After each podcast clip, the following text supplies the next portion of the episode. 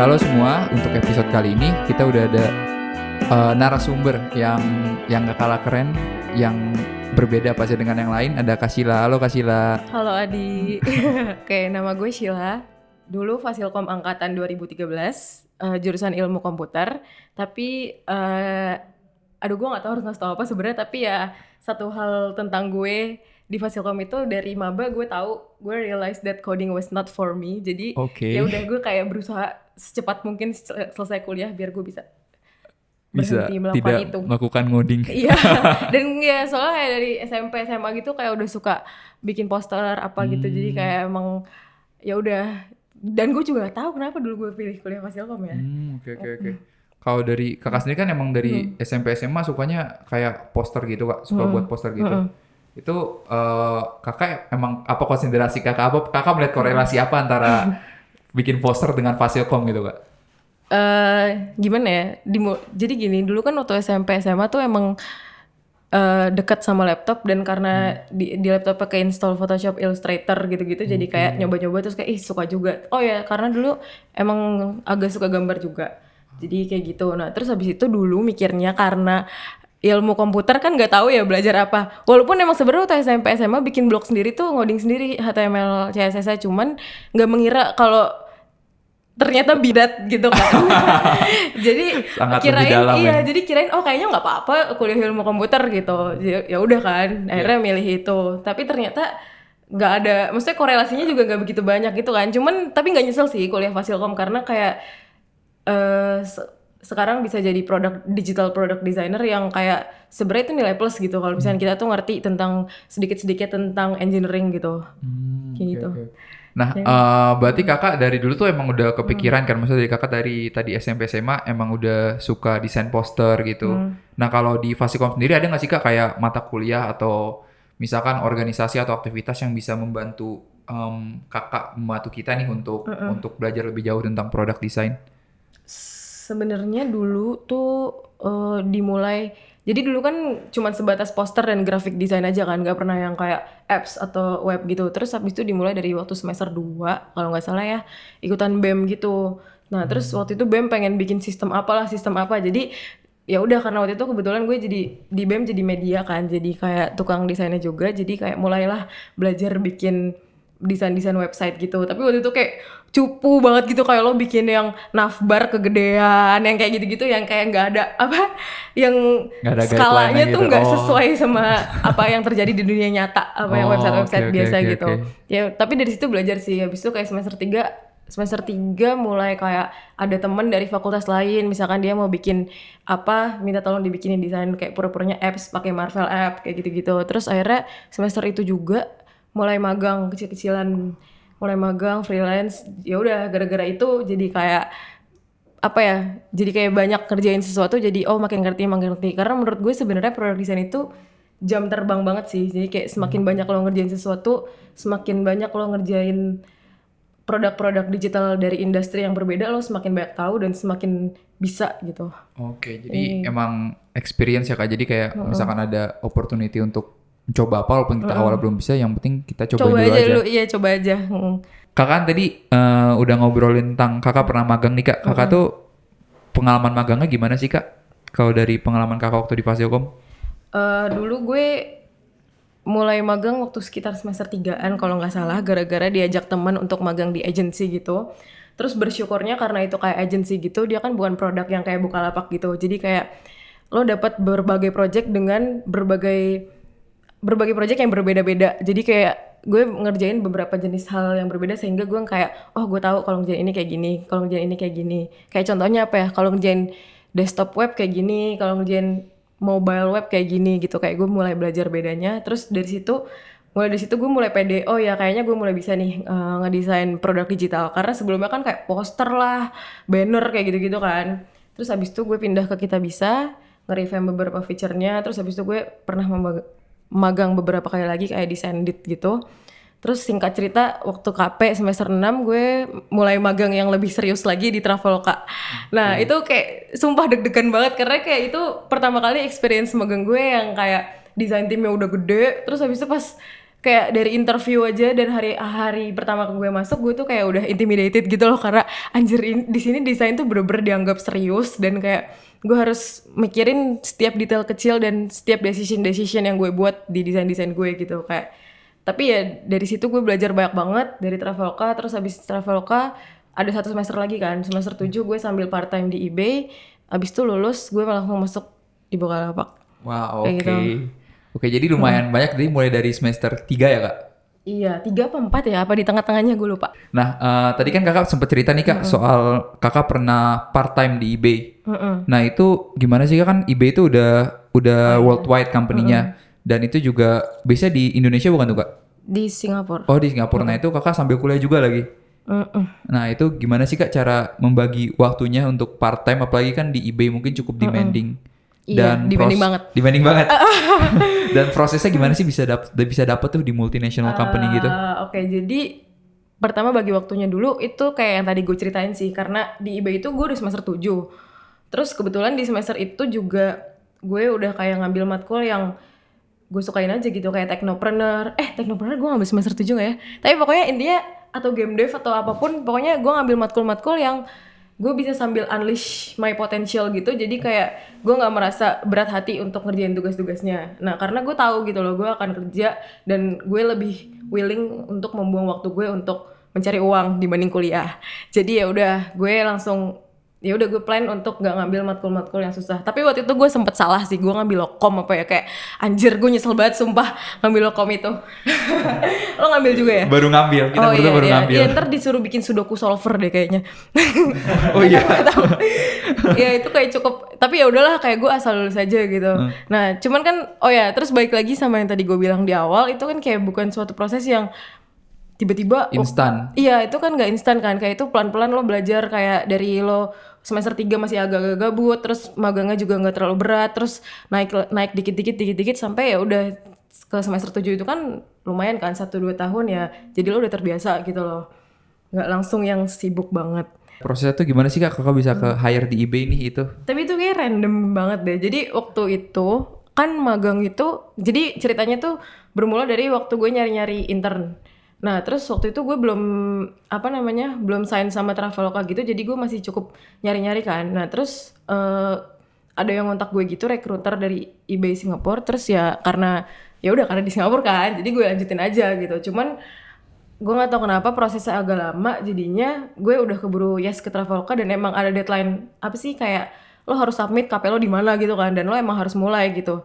Nah terus kayak waktu pas gue lagi di Traveloka ditelepon sama IB-nya oh ya kayaknya lo bisa join gitu. Tapi aduh gimana ya tapi gue udah di Traveloka nih gitu. Ya udah terus akhirnya eh sebenarnya dia tuh tadinya nggak mau kalau gue part time deh kalau nggak salah. Cuman karena gue ya gue nggak mau menyanyiakan ini gitu kan. jadi gue nego nego nego gimana abis ini gue ada kuliah satu semester lagi kalau gue sambil part time gimana? Kayak gitu. Jadi ya udah akhirnya setelah negosiasi boleh sambil part time itu pun remote dari sini. Wow. karena sambil kuliah jadi kayak gitu Oke. Kalau gitu kita mungkin em, bahas ke ini kali kak. Eh, ke pengalaman kakak dulu di Fasikum. Hmm. Kan dulu pernah ikut riset ya kak. Kalau nggak salah jadi head DPD juga. iya dulu tuh? namanya UI UX Oh UI UX, oh head of UI UX.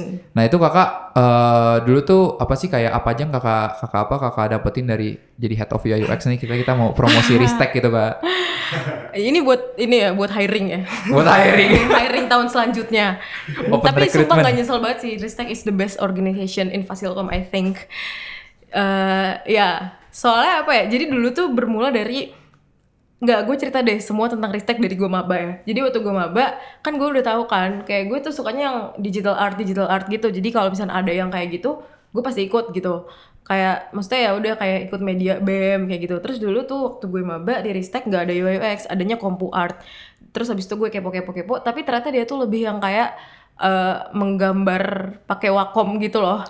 Padahal Kayak digital art gitu ya. Iya, heeh. waktu itu sih gue kayak eh apa ya harapannya gue lebih pengen kayak belajar ngedesain web, ngedesain apps karena dulu gue nggak tahu apa-apa kan kayak gitu pas masih maba. Jadi singkat cerita gue nggak jadi ikut karena itu tidak sesuai ekspektasi gue. Tapi gue malah ikut BEM dan kayak jadi tukang poster gitu kayak semua orang request poster ya udah disuruh desain udah kayak mesin poster gitu. Ya, tapi eh, ya gak apa-apa sih karena ternyata sekarang juga gue jadi demen banget sama graphic design gitu. Maksudnya walaupun ini out dikit, walaupun apa namanya, walaupun title gue di sini product designer, tapi gue juga cukup banyak ngerjain hal-hal yang berkaitan sama graphic design gitu.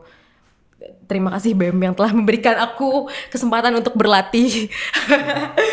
nah, terus habis itu tahun berikutnya, eh apa? Iya, tahun berikutnya gue ikut Ristek jadi YUX waktu itu eh yang headnya tuh Kak Laila namanya dia angkatan satu satu di atas gue angkatannya. Nah terus waktu itu gue kan emang udah magang gitu kan jadi desainer desainer gitu. Cuman gue tuh kayak emang apa ya bener-bener ngedesain based on assumption dan requirements dari siapa yang nyuruh aja. Let's say gue magang di mana ada PM-nya, dia nyuruh gue bikin uh, landing page kayak gini. Uh, gue mau ada ini ini nih ya udah semuanya tuh berdasarkan asumsi gitu. Nah terus gue nggak tahu dulu kalau misalkan kayak untuk lo mendesain sesuatu itu kayak perlu ada research perlu ada apa gitu. Terus gue disadarkan dengan ketika gue mau masuk UX yang yang kak Laila ini di apa namanya di tes masuknya tuh ada disuruh bikin selain mockup mockup gitu sama ada persona. Akhirnya gue cari tahu cari tahu oh ternyata untuk ngedesain sesuatu tuh kita perlu melakukan ini dulu. Kayak nggak bisa yang langsung ngedesain gitu kan karena lo harus tahu usernya siapa segala macem. Terus akhirnya gue sembari ngerjain tugas sambil latihan eh apa pas interview juga gue jadi kayak tahu gitu oh ternyata ada proses ini loh di UX gitu. Akhirnya uh, abis itu kan udah kan diterima setahun walaupun gak begitu banyak ya gue pernah sih ngerjain beberapa project kayak apps kayak gitu-gitu Uh, tapi gue sambil belajar-belajar juga. Thank you Kak Laila dan tim dan Kak Dide yang sudah men-trigger gue untuk belajar. Nah terus karena gue suka banget kayak gue waktu itu bener-bener kayak oh kayaknya ini deh. This is it, this is it. Ini this karir gue. Iya. Yeah.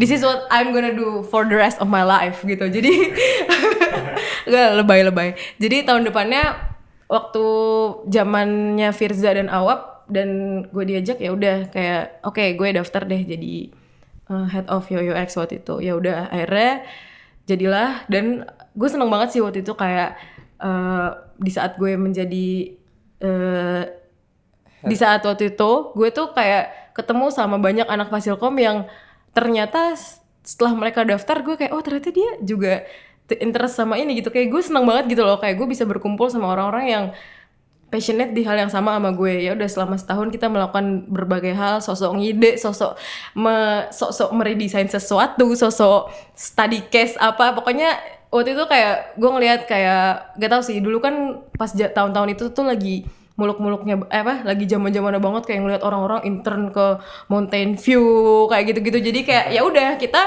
uh, desainer kan emang belum ada yang kayak gitu kan ya. Udah kita coba berkiblat ke sana deh. Kita lihat kayak apa sih yang desainer di Google lakukan? Apa uh, ada desainer di Airbnb di Facebook mereka ngapain? Kita ikutin.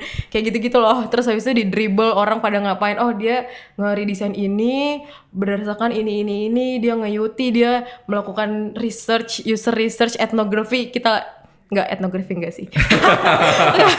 Tapi waktu itu gue belajar sedikit dari Somia nah terus gue ya udah gue ikutin semua oh ya ngomong-ngomong Somia waktu pas banget gue oh itu sebelum gue jadi head UX sih sebelum waktu masih Ristek sebelumnya gue ngeliat kayak ada course selama sebulan dari Somia Customer Experience gitu. Mungkin buat yang belum tahu bisa dikepoin, mereka tuh suka bikin yang namanya Somia Academy. Jadi kayak course uh, tentang UX gitu. Dan itu salah satu titik di mana mata gue bener-bener terbuka gitu loh. Karena kan tadi uh, balik lagi gue bilang waktu gue tes untuk risteknya Kak Laila itu, gue kan kayak semacam aha moment gitu kan. Kayak gue baru tahu, oh ternyata desain tuh gak langsung ngedesain. Kayak banyak proses sebelumnya yang harus lo lakukan untuk finally lo bisa come up with apa yang lo desain gitu. More than meets the eye gitu ya kayak. Ya. Nah, terus habis itu waktu risteknya Kak Laila itu gue ikut yang Somia yang UX fundamental. Pokoknya bener-bener yang kayak paling basic banget UX gitu. Dan waktu itu emang yang ikut tuh orang-orang kayak PM. Waktu itu gue dan Firza ikut kan dari Fasilkom.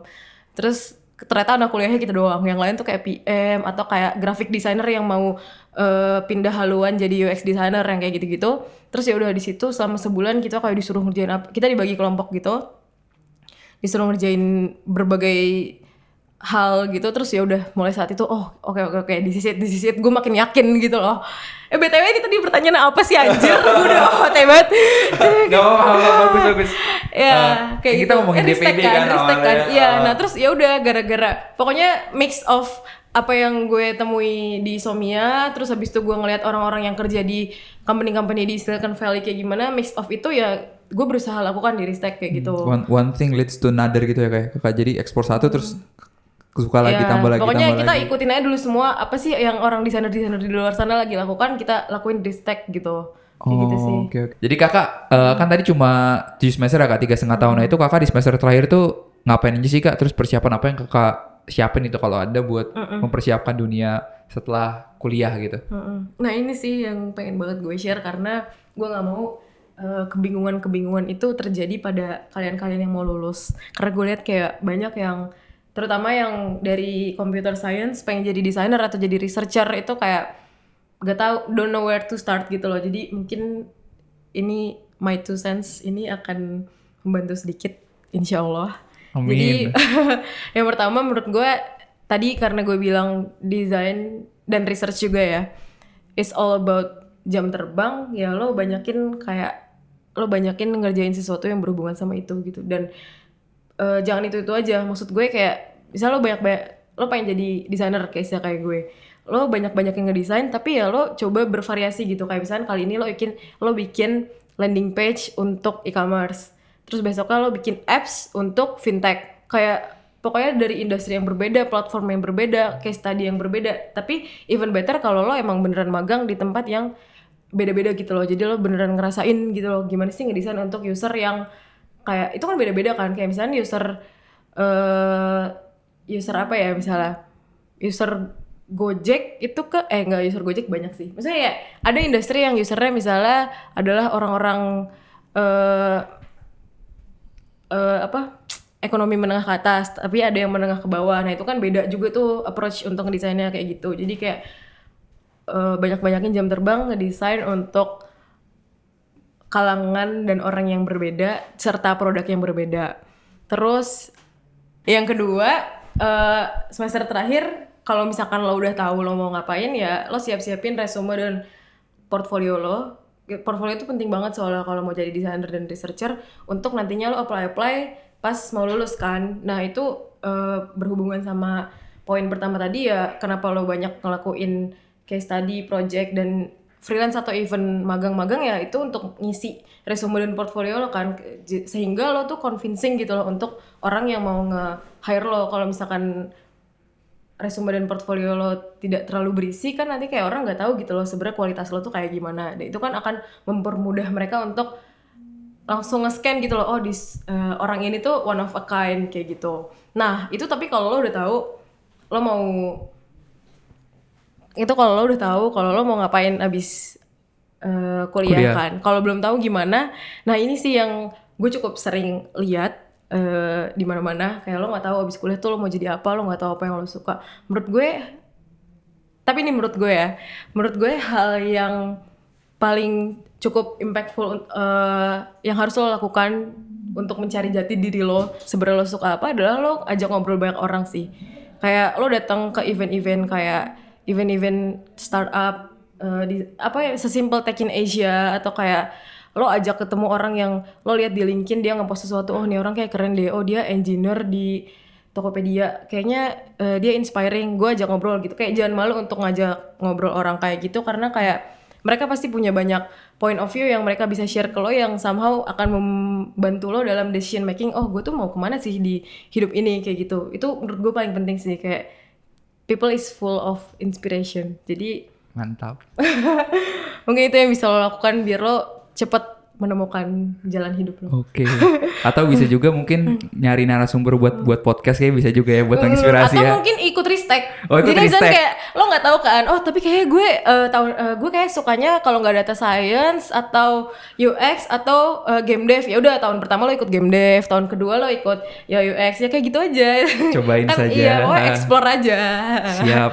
Kalau misalkan ada yang tertarik nih kak mau join Bukalapak buat magang atau yang masih fresh graduate itu bisa bisa ke mana tuh kak apply-nya kak? Eh, boleh chat gue. Oke oke. Boleh chat gue. Ya ini kayak gak tahu sih. Soalnya kan kita bisa nge-refer orang juga kan employee-nya. Jadi mungkin bisa minta gue refer aja karena ya lebih cepet kan karena lewat gue gitu mungkin bisa kirim email ke sheila@bukalapak.com, s h y l l a @bukalapak.com atau kalau mau lebih informal juga nggak apa-apa biar lebih santai. Instagram. Instagram kali ya. Biasanya kalau kayak gitu lewat Instagram gak sih? Boleh, boleh. Instagram gue @shvlla kayak Sheila tapi SHVLLA. ganti V.